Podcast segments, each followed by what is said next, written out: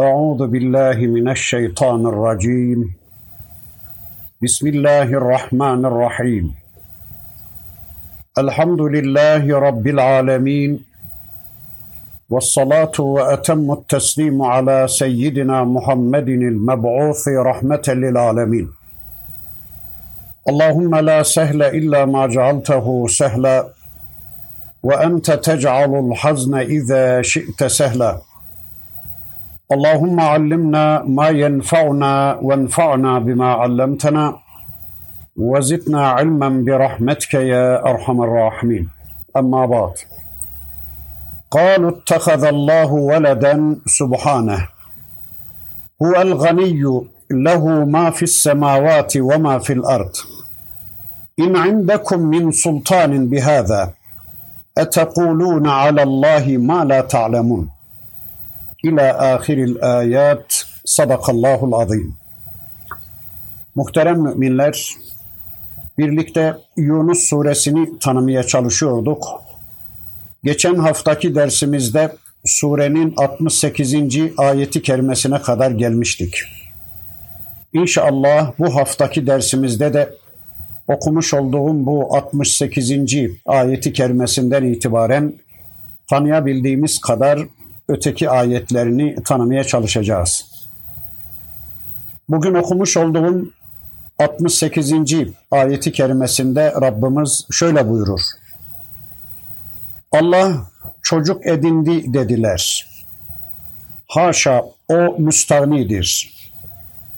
Göklerde ve yerde ne varsa hepsi O'nundur. Elimizde O'nun çocuk edindiğine dair bir belge yoktur. Bilmediğiniz şeyi Allah'a nasıl söylüyorsunuz?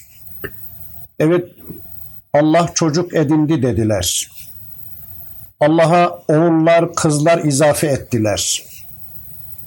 Göklerin ve yerin sahibi olan, göklere ve yere egemen olan, göklerde ve yerde ne varsa hepsinin sahibi olan Allah'a yetkililer izafe ettiler.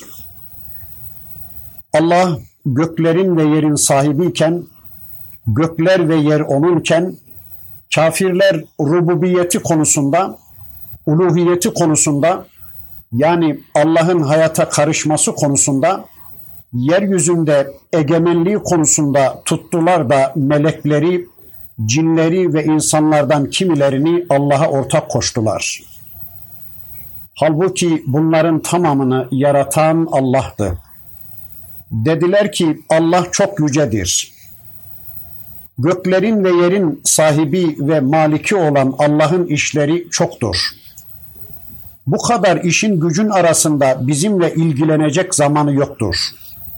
O büyük işlerinin yanında bizim işlerimiz, ufak tefek işleri oğullarına, kızlarına devretmiştir diyerek Üzeyir Allah'ın oğludur dediler. İsa Allah'ın oğludur dediler.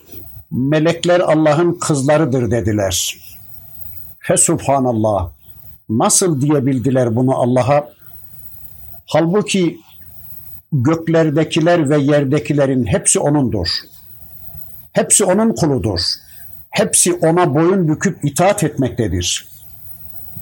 Oğullar O'nundur, babalar O'nundur, analar O'nundur, kızlar O'nundur, gökler O'nundur, yerler O'nundur, denizler O'nundur, yıldızlar O'nundur, her şey O'nundur. Her şey Allah'ın kuludur. Tüm varlıklar O'nun iken, tüm yaratıklar O'nun kulu ve kölesi iken, bunlardan birini veya birkaçını kendisine oğul edinmesine ne gerek var da, bakın Tevbe suresinin 30. ayetinde anlatıldığına göre Yahudiler Üzeyir Allah'ın oğludur dediler. Hristiyanlar da İsa aleyhisselam Allah'ın oğludur dediler. Müşrikler de melekler Allah'ın kızlarıdır dediler. Bunlar bu yaratıkların sıfatları konusunda hataya düştüler. Bunlara Allah'ın sıfatlarını vermeye kalkıştılar. Yani bunları kutsamaya kalkıştılar. Olduğundan farklı bir konuma getirdiler bu zatları. Bunların yaptıkları işlerin başkaları tarafından asla yapılamayacağını, Başkalarının yaptıklarını da bu zatların yapamayacaklarını iddia ettiler. Yani diğer varlıklardan ayırdılar bu zatları. Bu zatların diğer varlıklardan daha fazla Allah'a yakın olduklarını ya da Allah'ın bu zatlarla daha fazla ilgilendiğini iddia ettiler. Fe subhanallah. O bu tür ilişkilerden uzaktır. Zira bu tür şeyler Allah'a eksiklik ve ihtiyaç izafesidir. Halbuki Allah'ın varlıklarıyla ilişkisi birbirinden farklı değildir. Yani Cenab-ı Hakk'ın varlıklarından bazısına daha yakın, bazısına da daha uzak olduğu asla düşünülemez. Allah göktekilerin ve yerdekilerin sahibi iken neden bir çocuğa ihtiyaç duysun da zira eninde sonunda o da Allah'ın kulu değil mi? Aslında bu adamların derdi şuydu.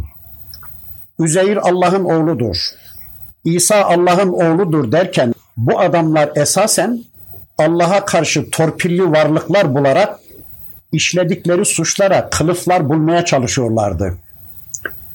Allah'a veliahtlar bulmaya çalışıyorlardı ki böylece Allah'a yaklaşabilme, ona torpil yaptırabilme çabaları vardı. Öyle ya bir insana çocuğundan daha yakın birisi olmayacağına göre ya da adam çocuğunun hatırından çıkamayacağına göre bunlar da sanki Allah'ı insan gibi kendisine çocuğu vasıtasıyla yaklaşılabilecek bir varlık bildiklerinden ötürü torpil yaptırma derdiyle bu herzelere yöneliyorlardı. Hayır hayır Allah'a karşı bilmediğiniz şeyleri söyleyerek iftira ediyorsunuz. Onun oğlu da yoktur, kızı da yoktur, hanımı da yoktur, yetkilileri de yoktur. Yani yeryüzünde yetkilerini devrettiği varlıkları da yoktur, temsilcileri de yoktur. Yani onun namı hesabına iş yapacak, karar verecek hiç kimse yoktur. Göklerde ve yerde ne varsa hepsi onun kulu ve mülküdür.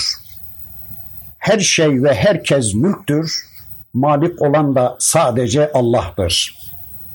Yani dünyayı idare etmekten aciz kaldı da onun idaresini İsa Aleyhisselam'a, Üzeyir Aleyhisselam'a ya da başka birilerine devretmiş değildir Allah. İn indekum min sultanin bihada etekuluna alallahi ma la ta'lemun. Evet Allah'ın oğlu var, kızı var, yetkilileri var, yetkilerini devrettiği temsilcileri var derken gerçekten dayandığınız bir deliliniz var mı? Bu konuda elinizde bir bilgi, bir belge var mı? Şu anda tüm Hristiyanlık dünyasına, Yahudi dünyaya ve müşrik dünyaya sormamız gerekiyor. İsa Allah'ın oğludur. Üzeyir Allah'ın oğludur. Allah yeryüzünün idaresini insanlara devretmiştir. Allah hayata karışmamaktadır falanlar filanlar yeryüzünde egemendir. Onların da yasa belirleme konusunda yetkileri vardır. Onlar da bizim hayatımızda söz sahibi varlıklardır. Bizler onları da dinlemek zorundayız derken acaba bu konuda dayandığınız nedir? Neye dayanarak söylüyorsunuz bu sözleri? Hayır hayır. Sizler Allah hakkında ancak bilmediklerinizi söylüyor, yalan söylüyor ve Allah'a iftira ediyorsunuz. Çünkü Allah hakkında söz söyleyen kişi bunu Allah'ın kitabından delillendirmek zorundadır. Allah hakkında söz söyleyen kişi ya Kur'an'la konuşur, ya peygamberle konuşur, doğru söyler ya da vahyin dışında kendi heva ve hevesleriyle konuşur ve yalan söyler. Bizler şu anda Allah hakkında Kur'an ve sünnetle konuşuruz.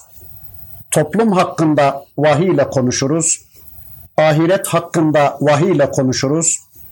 Hayat hakkında, ölüm hakkında, hayatın yasaları hakkında, ekonomi hakkında, eğitim hakkında her konuda vahiy ile konuşuruz ve doğru söyleriz. Bir kişi tüm bu konularda Allah'la, kitapla, peygamberle konuşmadığı sürece Allah ve peygamberin sözcülüğünü yapmadığı sürece yani söylediklerini vahiy destekli söylemediği sürece yalan söylüyor, iftira ediyor demektir.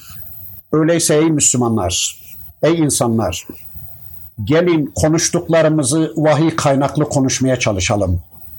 Ne konuşacaksak, ne diyeceksek kitabımızda ve peygamberimizle söyleyelim. Hakka istinad etmeyen sözlerden şiddetle kaçınalım. Kendi heva ve heveslerimizi dinmiş gibi insanlara takdim etmeyelim.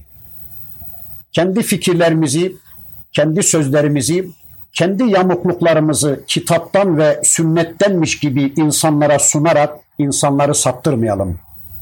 İnsanların dinlerini bozmayalım.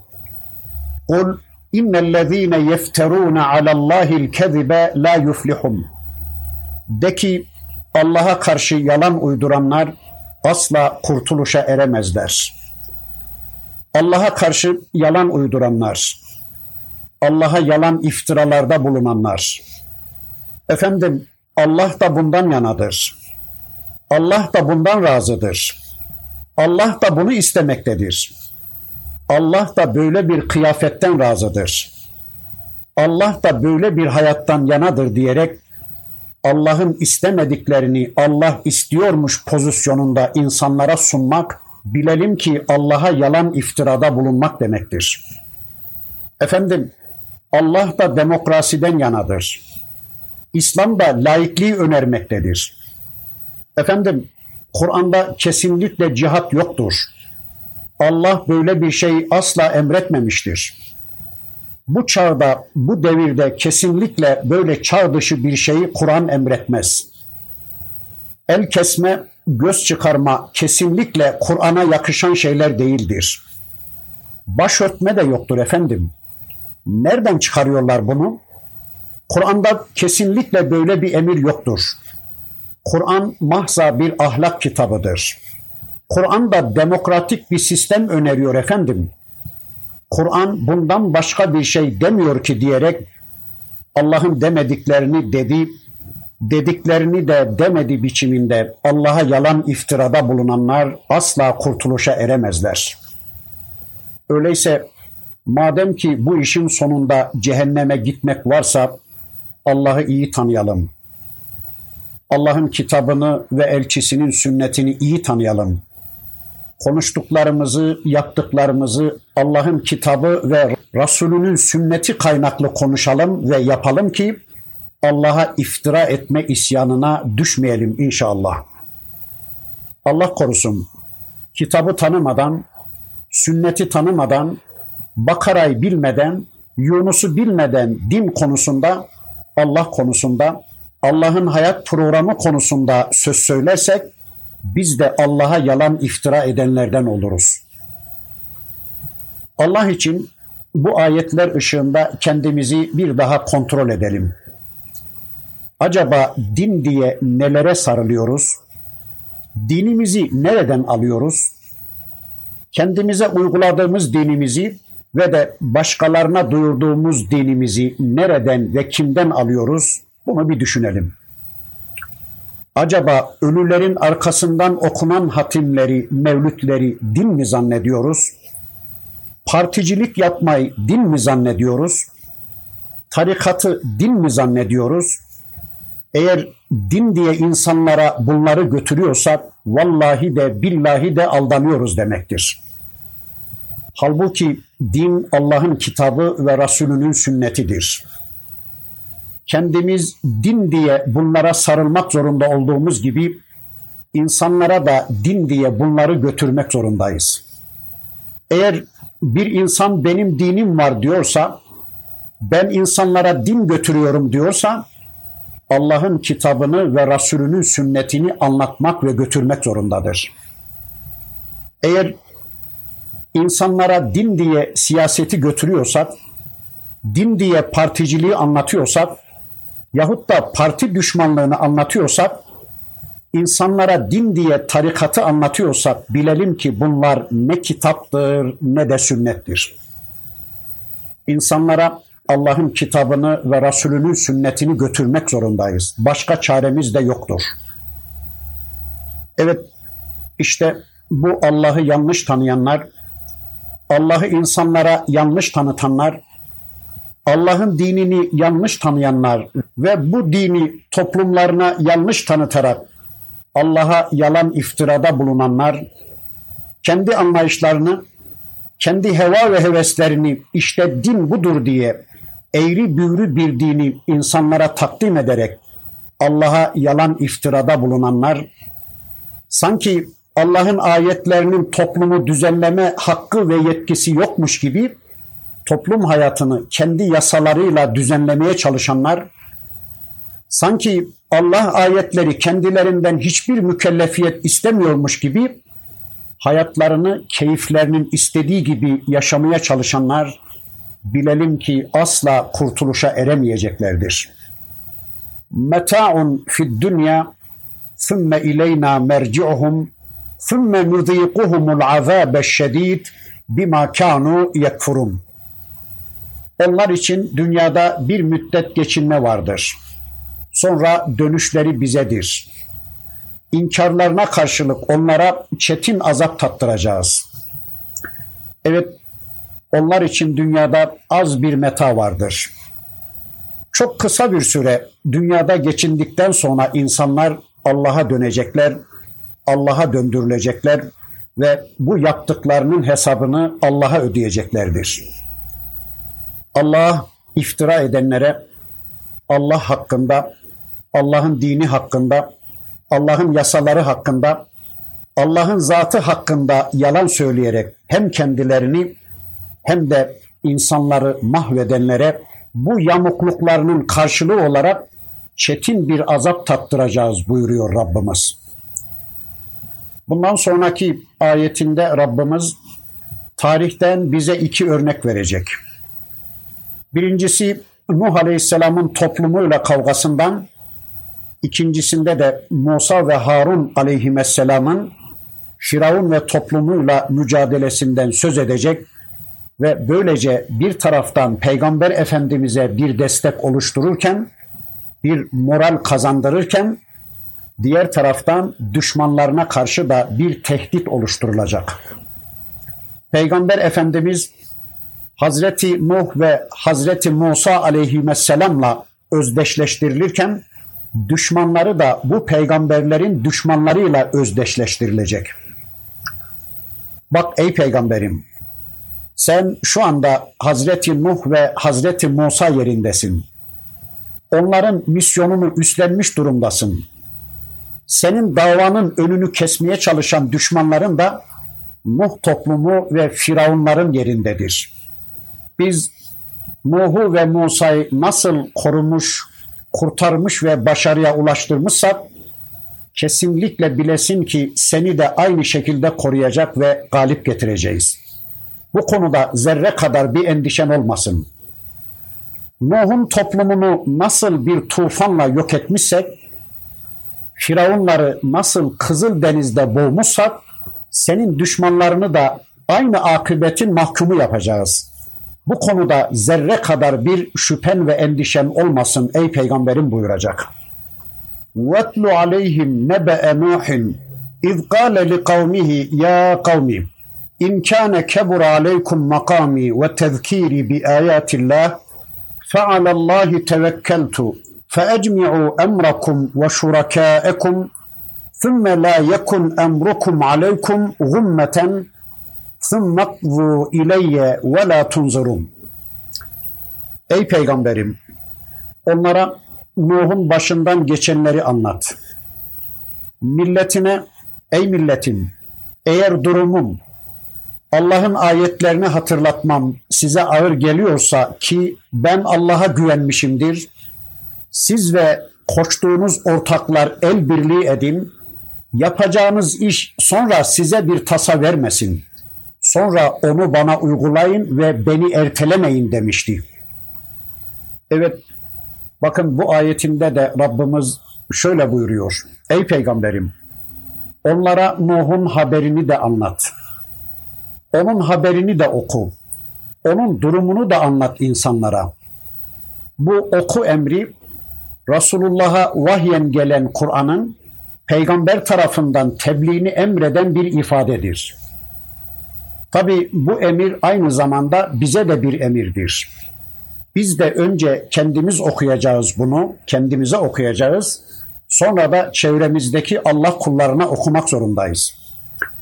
Hele hele şu anda haber peşinde koşan haber meraklılarına daha çok duyurmak zorundayız bunu. Nuh Aleyhisselam'ın haberini önce Resulullah Efendimiz bize okuyacak, bize duyuracak.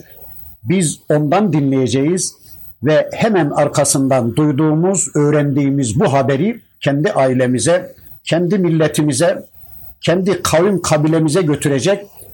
Onlara bu haberle gideceğiz.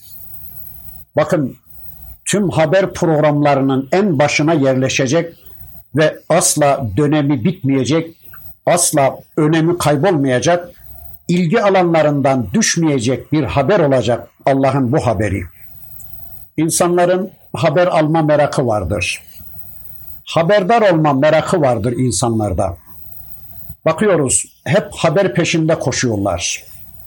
Kim ölmüş, nasıl öldürmüş, neyle öldürmüş, kim nereye gitmiş, kim nereden gelmiş, kim seçmiş, kim seçilmiş, kim kazanmış, kim kaybetmiş vesaire vesaire. İnsanlar bir ömür boyu haber peşinde koşarlar. Belki de hakları vardır. Çünkü Allah onlara beş duyu vermiştir. Koklamak, tatmak, dokunmak, duymak isterler, haberdar olmak isterler. Tamam iyi de acaba şu ana kadar Allah'ın haberlerinden haberdar olabildik mi? Mesela şu ana kadar size Nuh Aleyhisselam'ın haberi geldi mi? Siz Nuh Aleyhisselam'ın haberine muttali olabildiniz mi? Nuh'un haberini okudunuz mu? İbrahim Aleyhisselam'ın haberini, Lut Aleyhisselam'ın haberini, kıyametin haberini, ölüm ötesi hayatın haberini okudunuz mu? Bakın Rabbimiz yarattığı bu insanın yaratılış özelliklerini göz ardı etmeden onun haberdar olma ihtiyacını gidermek için haberler göndermiş kitabında. Bu manada Kur'an'ın tümüne haberler de diyebiliriz. Bakın Saat suresinde Cenab-ı Hakk'ın Kur'an-ı Kerim için bu ifadeyi kullandığını biliyoruz. Kul huve nebe'un azim. De ki ey peygamberim o azim bir haberdir. Evet bu Kur'an azim bir haberdir. Kur'an en büyük haberdir. Önünde saygıyla eğilinmesi gereken, durup dinlenilmesi gereken, insanların tümünü ilgilendiren, zamanın tümünü ilgilendiren, mekanın tümünü ilgilendiren bir haberdir Kur'an. Bizi ilgilendiren, hem bugünümüzü hem yarınımızı hem dünyamızı hem de ahiretimizi ilgilendiren Kur'an'dan başka bir haber yoktur. Söyleyin Allah aşkına kıyametten daha büyük, daha önemli bir haber olabilir mi? Olmaz değil mi? Yani en büyük haber, azamet sahibi, önünde saygıyla eğilinmesi gereken dehşeti, büyüklüğü kabul edilmesi gereken bir haber ancak Kur'an'dır, Kur'an haberleridir. Bugün herhangi bir haber programı değil, dünyanın bütün haber şebekelerini meşgul edecek bir haber yayınlansa kaç gün sürer? Ya da kaç kişiyi ilgilendirir bu haber?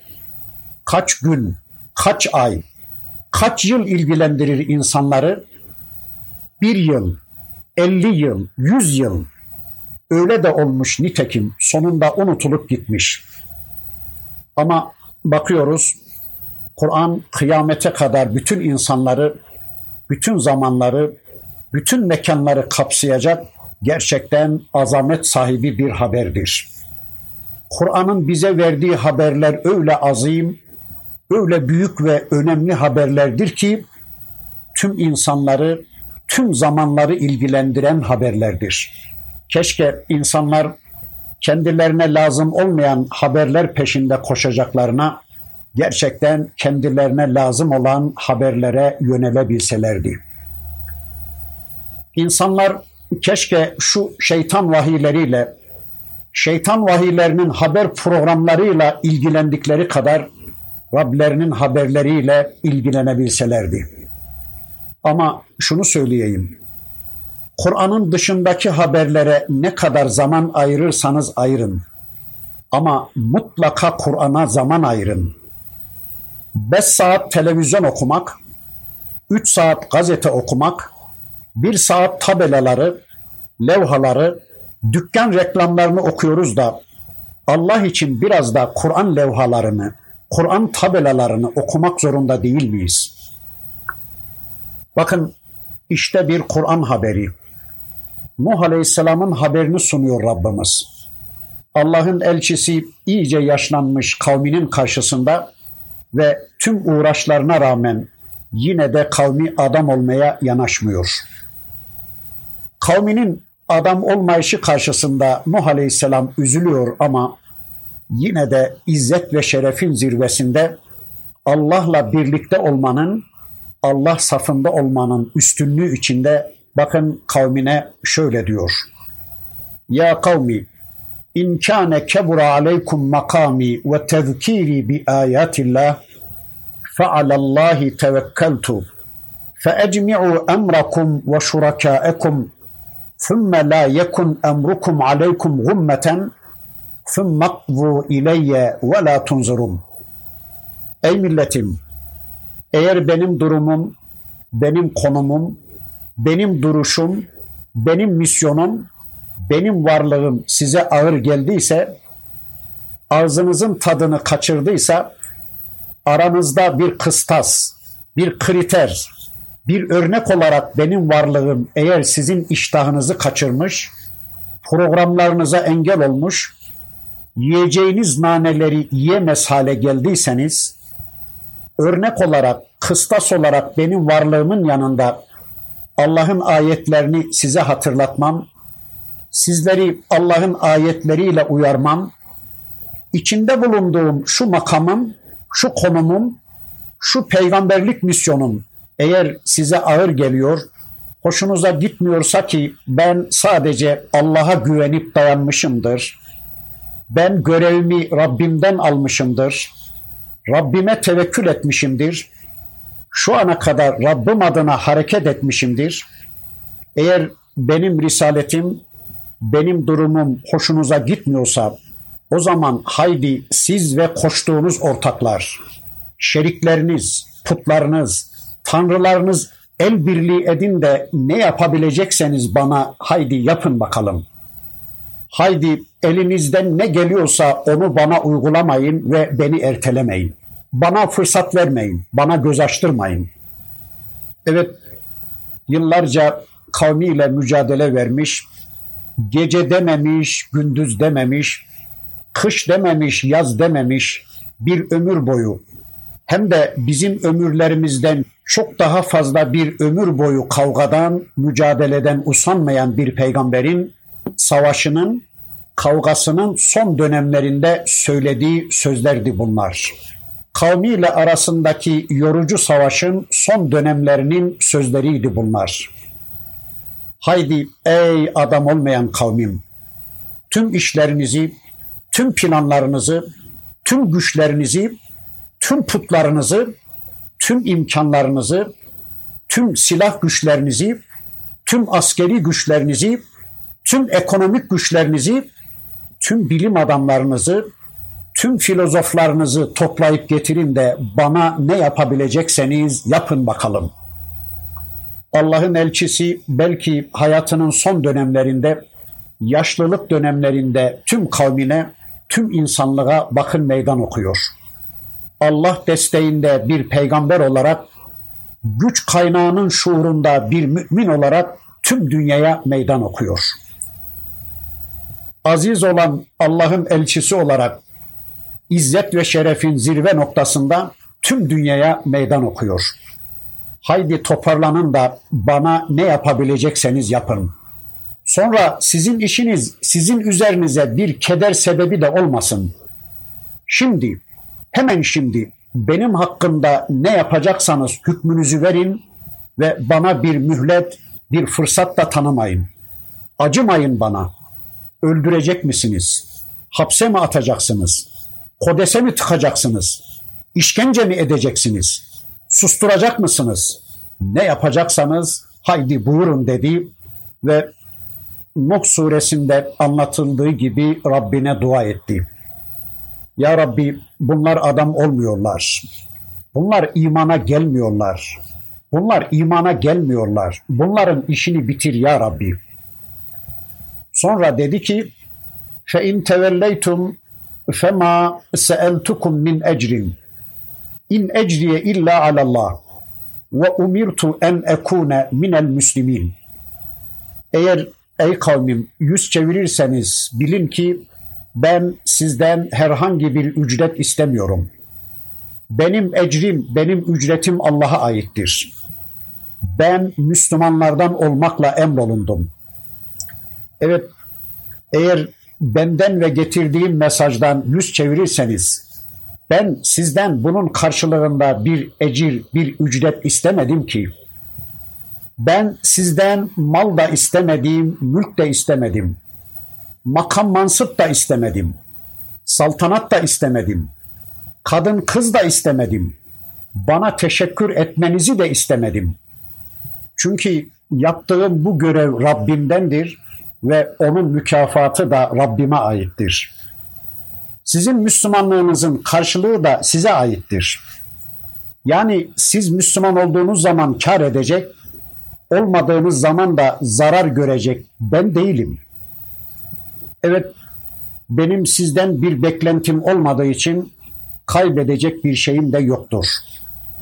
Şu tebliğimin, şu risalet görevini icra etmemin karşılığında bana bal baklava yedirmenizi, beni atlarınıza, arabalarınıza bindirmenizi, ben gelince ayağa kalkmanızı, bana bir teşekkür etmenizi bile istemiyorum. Ben ecrimi Allah'tan bekliyorum. Rabbimin bana hazırladığı cennetler sizin vereceklerinizin tümünden daha hayırlıdır. Keşke bunu hoca efendiler, topluma din duyuranlar bir anlasalardı. Adam falan yere konferansa gidiyor, şu kadar parayı hazırlarsanız gelirim diyor. Veya şu kadar kitabımı alırsanız, satarsanız gelirim diyor. Allah korusun yaptıklarının zerre kadar bir beti bereketi de kalmıyor. فَكَذَّبُوهُ فَنَجَّيْنَاهُ وَمَنْ مَعَهُ فِي الْفُلْكِ وَجَعَلْنَاهُمْ خَلَائِفَ وَأَغْرَقْنَا الَّذ۪ينَ كَذَّبُوا بِآيَاتِنَا فَانْظُرْ كَيْفَ كَانَ عَاقِبَةُ الْمُنْذَرِينَ Onu yalancı saydılar, onu yalanladılar. Ama biz onu ve gemide beraberinde bulunanları kurtardık. Onları ötekilerin yerine geçirdik. Ayetlerimizi yalan sayanları da suda boğduk. Uyarılanlardan söz dinlemeyenlerin sonlarının nasıl olduğuna bir bak. Evet, Nuh Aleyhisselam'ı yalanladılar. Onu ve getirdiği mesajı yok farz ettiler dinlemediler, reddettiler. Hatta son dönemlerinde Allah'ın emriyle Nuh Aleyhisselam gemi yapmaya başlayınca alaya aldılar, dalga geçmeye çalıştılar. Ne o ey Nuh? Bu yaptığın da neyin nesi? Peygamberlik mesleğini bıraktın da şimdi de marangozluğa mı başladın diyerek onunla istihza ettiler. Ama Allah artık onların adam olmayacaklarını, küfürlerinin karşılığı olarak haklarında hüküm verme zamanının yaklaştığını bildirdi. Bunun üzerine Hazreti Nuh bir gemi yaptı. Allah buyurur ki bakın, biz Nuh'u ve beraberindekileri, onun yanında yer alanları, peygamber safında olanları, seçimini Allah ve elçisinden yana tercih edenleri, saflarını belirleyen müminleri gemide kurtardık. Bir gemi yapılıyor Allah'ın emriyle, Allah gözetiminde ve bu gemide Nuh Aleyhisselam var ve beraberinde Müslümanlar var. Tercihini Nuh Aleyhisselam'dan yana yapan, Nuh Aleyhisselam'ın kaptanlığına evet diyen Müslümanlar var. Hazreti Nuh'un yanına aldığı hayvanlardan birer çift var. Kurtulması gerekenleri emniyeti aldıktan sonra Rabbimiz gökten yağmurlar gönderiyor, yerden de sular fışkırtıyor ve kafirleri suların altında helak ediyor. Bakın bu ve benzeri ayetler hem yeryüzünde işleyen Allah yasalarını, sünnetullahı anlatır, hem de İslam'ın tarihi olayları yorumlayışındaki usulü anlatır. Yeryüzünde değişmeyen bir yasa, bir sünnetullah gereği günahları yüzünden, isyanları yüzünden insanlar helak edilmektedir. Hem de helak edenin başkası değil sadece Allah olduğu vurgulanmaktadır. Ümmetlerin, toplumların yok edilişlerinde Allah ve elçilerine kafa tutmaları, Allah'tan gelen hayat programını reddedip kendi heva ve hevesleri istikametinde bir hayat yaşamaya kalkışmaları anlatılır. Allah'ı hayatlarına karıştırmayarak elçileriyle savaşa tutuşan bu insanlar ve toplumlar için yeryüzünde kaçınılmaz olan bu helak yasası, bu yok oluş yasası ya yeryüzünde Allah tarafından çabucak gelen bir azapla gerçekleşmekte ya da ağır ağır etkisini gösteren fıtri ve ahlaki çözülüşlerle kendisini göstermektedir. Evet, Allah isyanları sebebiyle bu toplumları yok etmiş. Ama dikkat ederseniz bu helak edilenlerin yanında kurtulanlar da vardır. Allah herkesi helak etmiyor. Bakın iman edenleri, gemiye binenleri, Allah'ın davetine icabet edenleri peygamber safında yer alanları kurtarıyor Rabbimiz. Gemiye binenler kurtuluyor Allah yasalarında. Şu anda da dünya üzerinde korkunç bir tufan var. İnsanların Allah'a kafa tutma, Allah'ı hayatlarına karıştırmama, Allah'tan gelen hayat programına değer vermeme ve Allah'ın elçisiyle ilgilenmeme isyanlarından ötürü şu anda da tüm dünyada tufan vardır. Tüm dünyada Rabbimizin korkunç bir tufanı vardır şu anda. Ama sünnetullah gereği şu anda gemi de vardır. Bu tufandan sığınmak isteyenlerin sığınabilecekleri gemi de şu anda mevcuttur. Bu gemi son elçinin bina ettiği İslam gemisi, geminin kaptanı da Hazreti Muhammed Aleyhisselam'dır.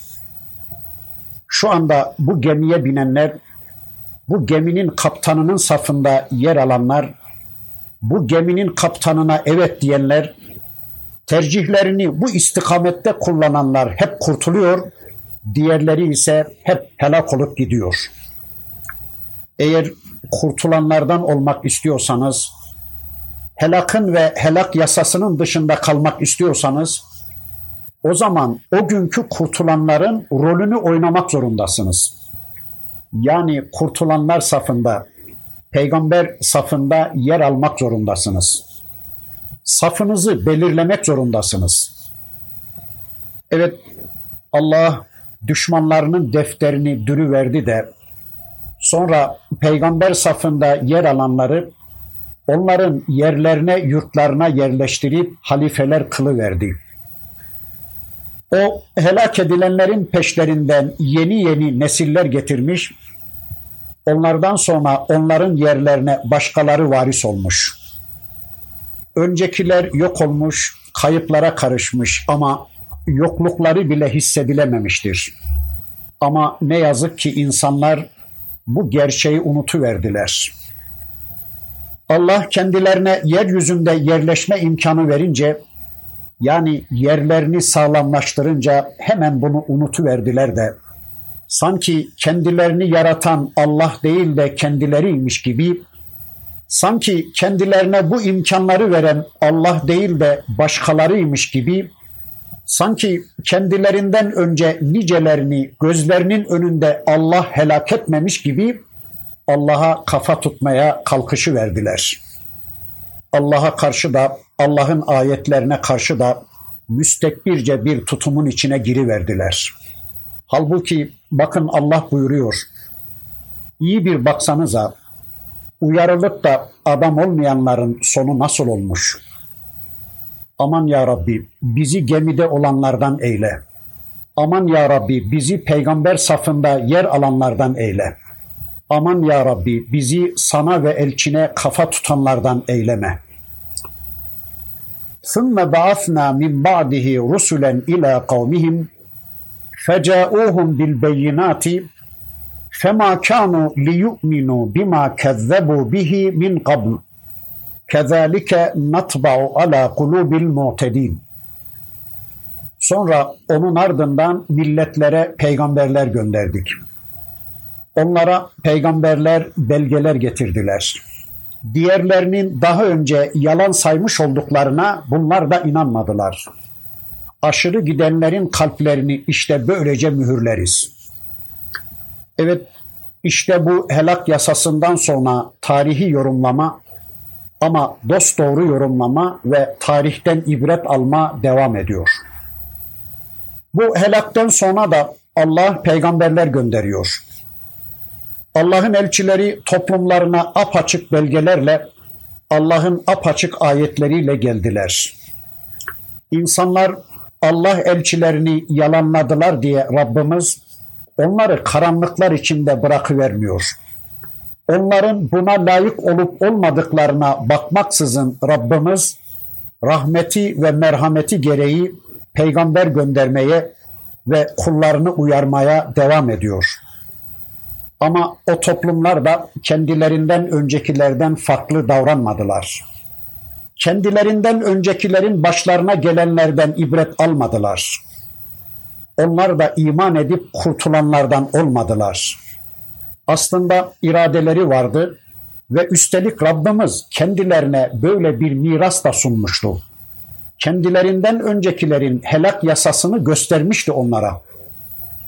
Peki kimlerdi Nuh Aleyhisselam'dan sonra gönderilen peygamberler? Ad kavmine Hud Aleyhisselam'ı, Semud toplumuna Salih Aleyhisselam'ı, Lut kavmine Lut Aleyhisselam'ı, Medyen ve Eykelilere Şuayb Aleyhisselam'ı gönderdi Rabbimiz. Ama Allah'ın bu şerefli elçilerinin toplumlarından pek azı müstesna çoğu iman etmediler. Kendilerinden öncekilerin yolunu izlediler de Allah'a da Allah'ın elçilerine de isyanı meslek edindiler. İşte azgınların kalplerini böylece mühürleriz buyuruyor Rabbimiz. Ama anlıyoruz ki Allah bir topluma uyarıcılar gönderip onları açık ve net bir biçimde uyarmadıkça insanların kalplerini mühürlemiyor. Peygamberler geliyor, onlar toplumlarını Allah'ın ayetleriyle uyarıyorlar, nasihat ediyorlar, uğraşıyorlar, didiniyorlar, çırpınıyorlar ama toplumları onları dinlemiyorlar. Onların istediğine yönelmiyorlar. Allah da onların işlerini bitiriveriyor. Yani anlıyoruz ki adamlar kendi hür iradeleriyle kendi kalplerinin mühürlenmesini istiyorlar. Allah da onların kalplerini mühürleyi veriyor. Yani onların kendi tercihleri olan küfürlerini onaylayı veriyor Rabbimiz olup bitiyor. ثُمَّ بَعَثْنَا مِنْ بَعْدِهِمْ مُوسَى وَهَارُونَ إِلَى فِرْعَوْنَ وَمَلَئِهِ بِآيَاتِنَا فَاسْتَكْبَرُوا وَكَانُوا قَوْمًا مُجْرِمِينَ Onların ardından da Firavun ve erkanına ayetlerimizle Musa ve Harun'u gönderdik. Ama onlar büyüklük tasladılar ve suçlu bir millet oldular. Evet yine tarihten bir kesit, tarihe ait bir yorumlama, tarihten bir haber geliyor. Musa aleyhisselam ve kardeşi Harun aleyhisselamın Allah'ın ayetleriyle Firavun'a ve melesine gönderilişi anlatılıyor. Firavun'a ve onun melesine, Firavun'a ve onun kullarına Allah'ın rububiyetini reddederek Firavun'un Rabliğini kabullenmiş toplumuna Allah'ın iki elçisini gönderişi anlatılıyor. Allah'a karşı, Allah'ın rububiyetine ve uluhiyetine karşı gönderdiği hayat programına karşı müstekbir davrandılar, eyvallahsız davrandılar ve gerçekten mücrim bir toplum oldular. Peki acaba bu zavallıların Rablerine karşı, Rablerinin hayatlarına karışmasına karşı, Rablerinin kendilerine gönderdiği elçilerine karşı kibirlenip müstekbir davranmalarının sebebi neydi? Nereden alıyorlardı bu gücü? Topluma egemen olan biziz. Bize itaat etmek zorundasınız. Bizi dinlemek, bizim yasalarımızı uygulamak zorundasınız. Tanrı biziz, Rab biziz, ilah biziz derken neye dayanıyorlardı bu adamlar? Dayandıkları, güvendikleri bakın şuydu. Şu anda bu topluma egemen konumda olan bizleriz. Ekonomik ve siyasal yönden hakim konumda olan bizleriz. Herkes bizi dinliyor. Herkes bize itaat ediyor. Musa ve Harun da bizim egemen olduğumuz toplumun üyelerinden ve üstelik bizim ekmeğimizi yemiş, bizim elimizde büyümüş, bizim okullarımızda yetişmiş, bizim yönetimimiz altında yetişmiş birer ferttirler. Şimdi bize muhtaç olan birilerine biz nasıl ittiba ederiz? Bizim kölelerimizin içinden çıkan bu insanlara nasıl tabi olabiliriz diyorlar ve kibirleniyorlardı. Yani kibirlenmeleri inanmalarına engel oluyordu. Halbuki dün aynı ülkede egemen olanlar Yakup Aleyhisselam'ın çocuklarıydı. Firavun oğullarından önce Mısır'da egemen olanlar İsrail oğullarıydı. Hep egemen olarak kendilerinin kalacağını ve Müslümanların hep köle olarak yaratıldıklarını zannediyor ve aldanıyorlardı. Sanki kölelik Müslümanların değişmez alın yazılarıydı. Halbuki yeryüzünde bu Allah'ın bir yasasıydı. İmtihan gereği dün Mısır'a hakim olan ve tarihinde Mısır'a en mutlu günlerini yaşatan Müslümanlar şimdi güçlü Firavun oğullarının egemenliği altında köle bir konuma düşürülmüşlerdi. Ama devran dönecek. Orada mülkün sahibi olan ve dilediklerine mülkü veren, dilediklerinden onu alan, dilediklerini aziz eden, dilediklerini de zelil etme gücüne sahip olan Allah, Müslümanlara güç kuvvet verecek ve tekrar Firavun oğullarına galip bir konuma getirecek ve Firavunlar Müslümanlar karşısında ezileceklerdi. Bu Allah'ın yeryüzünde değişmez bir yasasıydı. Tarih boyunca bu hep böyle olmuştu ama Firavunlar bunu bilmezler. Allah'ı tanımayan kafirler Allah'ın bu yasasından gafildirler. Şu anda topluma egemen ya, şu anda elinde silahı var ya, elinde güç kuvvet var ya ve üstelik kendisinde olanlar Müslümanların elinde yok ya, kafir buna aldanmaktadır. Müslümanın elinde bıçak bile yokken Müslümana terki silah ettirip her türlü silahtan yoksun bırakıp kendisinin her türlü teknolojik güce sahip olması, siyasal ve ekonomik güce, askeri güce sahip olması, her türlü imha silahlarına sahip olması kafiri aldatmakta ve müstekbir olmaya sevk etmektedir. Madem ki güç bende, madem ki egemenlik bende, o halde benim istediğim gibi hareket edeceksiniz. Benim istediğim gibi giyinip soyunacak, benim istediğim gibi bir hayat yaşayacaksınız. Değilse size hayat hakkı tanımıyorum diyebilmektedir. Ama bir gün böyle diyen kişinin ya da kişilerin karşısına bir Musa çıkıyor, bir Musa gönderiyor Allah ve onun aracılığıyla bu insanları tanrılık taslamaktan vazgeçip kendisine kul köle olmaya çağırıyor. Gelin Müslüman olun ve kurtulun. Değilse sonunuz geldi diyor. Kendiniz tanrılıktan vazgeçip yaratıcınıza, gerçek egemen olan Rabbinize teslim olduğunuz gibi benim Müslüman kullarımdan da elinizi çekin. Benim kullarıma tanrılık taslamaktan, zorla onları bana kulluktan, benim yasalarıma itaatten çıkarıp kendinize kendi yasalarınıza kul köle yapmaktan elinizi çekin. Allah'ın kutlu elçileri bu şekilde Rablerinin mesajıyla gelince alçaklar şaşırıp apışık kaldılar. Bakın Allah diyor ki فَلَمَّا جَاءَهُمُ الْحَقُّ مِنْ عِنْدِنَا قَالُوا اِنَّ هَذَا لَسِحْرٌ مُبِينٌ Gerçek katımızdan onlara gelince doğrusu bu apaçık bir sihirdir. Bu apaçık bir büyüdür dediler. Evet kendilerine reddetmeleri mümkün olmayacak bir şekilde hak gelince Allah'ın açık net bir ayeti olarak Hazreti Musa Aleyhisselam'ın elindeki asa gözlerinin önünde yılan haline gelince ve Kur'an'ın değişik yerlerinde anlatıldığı gibi koynundan çıkardığı elleri bembeyaz bir nur haline gelince ve Hazreti Musa Aleyhisselam onlara farklı mucizeler, farklı ayetler gösterince dediler ki bu apaçık bir büyüdür, apaçık bir sihirdir. Bu Musa gerçekten çok bilgiç, çok profesyonel bir sihirbazdır dediler. Çünkü alçağın kendisinin işi gücü sihirdi zaten. Ülkeyi sihirbazlarla yönetiyordu. Hakkı batıl, batılı hak gösterme el çabukluğuyla insanların gözlerini boyamakla durumu idare ediyordu. Medyası sihirbazlardandı. Siyaseti ve siyasetçileri sihirbazlardandı. Ekonomisi, ekonomicileri sihirbazlardandı.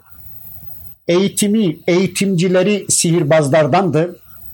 Hukukçuları sihirbazlardandı. Beyazı siyah, siyahı beyaz gösteriyorlar. İyiyi kötü, kötüyü iyi gösteriyorlar. Musa'yı Firavun, Firavun'u da Musa gösteriyorlar ve böylece ülkeyi idare ediyorlardı. Yani Firavun'un ülkeyi kendileri sayesinde yönettiği sihirbazları bazen ilim adamı rolünde, bazen sanatçı rolünde, bazen hukukçu rolünde, bazen medya rolünde kimselerdi. İşte Musa Aleyhisselam ve Firavun'un gündeme getirildiği her bir yerde sihri ve sihirbazları böyle anlıyoruz. Eğer sihri ve sihirbazları Musa Aleyhisselam'ın Firavun'la Firavun sistemiyle mücadelesi çerçevesinde anlamaya çalışırsak şöyle diyeceğiz. Musa karşısında Allah'ın hak elçisi karşısında bu elçinin ortaya koyduğu İslam davası karşısında insanların firavunları ve firavuni sistemleri ayakta tutmak üzere sahip oldukları ilim dallarındaki bilgilerini ustaca kullanmalarının adına sihir denir. Yani Allah ayetleri karşısında, Allah sistemi karşısında ve bu sistemi savunan Allah erleri karşısında Firavuni sistemleri ayakta tutmak için çırpınan kimselere sihirbaz denir. Bu sihirbazlar ellerindeki tüm bilgilerini, tüm imkanlarını sistemi haklı çıkarmak ve yaşatmak üzere kullanırlar. Zaten sihir beyazı siyah, siyahı beyaz, hakkı batıl, batılı hak gösterme el çabukluğudur ve bunu yapan herkes sihirbazdır. Yani Musa'yı Firavun, Firavun'u Musa gösteren herkes sihirbazdır.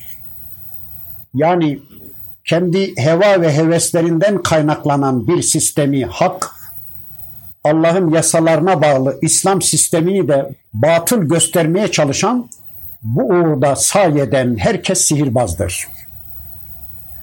Karıyla kocanın arasını ayıran, kardeşi kardeşe düşman yapan, farklı farklı hiziplere ayırarak Müslümanları birbirleriyle vuruşturan demokrasiyi hak, İslam'ı da batıl göstermeye çalışan herkes sihirbazdır.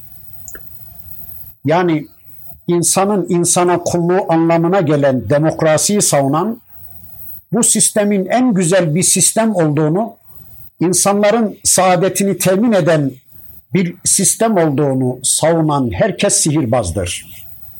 Bunlar da çağdaş sihirbazlardır. Firavunlar bunlar sayesinde topluma hakim olurlar. Bunlar sayesinde insanları ezerler, bunlar sayesinde kan emerler. Tabi bunlar da Firavun tarafından beslenirler ve palazlandırılırlar. Yani Firavun'un bunlara, bunların da Firavunlara ihtiyacı vardır. İşte Firavun kendisi bu tür sihirbazların sırtına basarak yükseldiği için sermayesi bu olduğu için Allah'ın elçisi Musa Aleyhisselam'ın getirdiği mesaja da sihirle karşılık vermek ellerindeki sihir bilgileriyle ellerindeki sihir bilgileriyle teknolojileriyle peygamberin karşısına çıkmak istediler. Onların bu tavrı karşısında bakın Allah'ın elçisi şöyle diyordu. Kale Musa etekulune lil hakkı lemma caekum esihrun hâzâ ve la yuflihu sahirun. Musa aleyhisselam size gelen gerçeğe dil mi uzatırsınız? Bu sihir midir? Zaten sihirbazlar asla iflah olmazlar. Asla başarı kazanamazlar dedi. Evet bakın Allah'ın elçisi diyor ki size gelen bu hakka, bu gerçeğe sihir diyorsunuz öyle mi? Rabbiniz tarafından gönderilen bu hakka, bu hak bilgisine nasıl sihir diyebiliyorsunuz? Unutmayın ki hiçbir sihirbaz başarıya ulaşamaz. Hiçbir sihirbaz felaha eremez. Yani eğer ben bir sihirbaz olsaydım sizin karşınızda asla bu başarıyı, bu cesareti gösteremezdim. Sihirbazlar her ne kadar dünyada geçici bir süre için başarıya ulaşmış gibi görün, görünseler de insanların gözlerini boyayarak dünyada geçici bir süre onlara egemen olsalar da çok kısa bir süre sonra dünyada rezil rüsva oldukları gibi ahirette de cehennemi boylayacaklardır. Onun içindir ki bir peygamberin cehenneme talip olması asla mümkün değildir. Allah'ın elçisi, Allah'ın cennetine talip olan, insanları da Allah'ın cennetine ulaştırma kavgası vermek için gelen insandır. Onun içindir ki Rabbi ona başarı lütfediyordu. Allah düşmanı Firavun'un ve hempalarının gözleri önünde elindeki asasını yılan haline getirerek koynundan çıkardığı elini bembeyaz bir nur hale getirerek Allah elçisine başarı üstüne başarı lütfediyordu. Hangi sihirbaz becerebilmişti şimdiye kadar bu başarıyı? Hangi sihirbaz becerebilmişti bunu? Hangi sihirbaz kendisine mutlak ceza verecek olan, yeryüzünün en zalim ve en güçlü ordusuna sahip olan bir kralın sarayına böyle bir cesaretle girebilmişti bugüne kadar? Hatta Mü'min suresinde anlatılır. Allah'ın bu güçlü elçisine karşı Firavun şöyle diyordu. Sen bizi sihrinle yurdumuzdan çıkarmaya, bizim dinimizi değiştirmeye ve Mısır'ın yönetimini eline geçirmeye mi geldin? Oysa kesinlikle biliyorlardı ki o güne kadar hiçbir sihirbazın sihir gücüyle bir memleketi fethettiği görülmemişti. Sihirbazlar sadece kendisinden mükafatlar alabilmek için o güne kadar onun ayaklarını öpmekten başka bir şey yapmamışlardı. Hain Firavun bunu çok iyi biliyordu. Onun içindir ki Firavun'un hem sen bir sihirbazsın demesi hem de arkasından sen benim krallığımı ele geçirmek istiyorsun demesi onun kafasının ne denli karıştığını göstermektedir.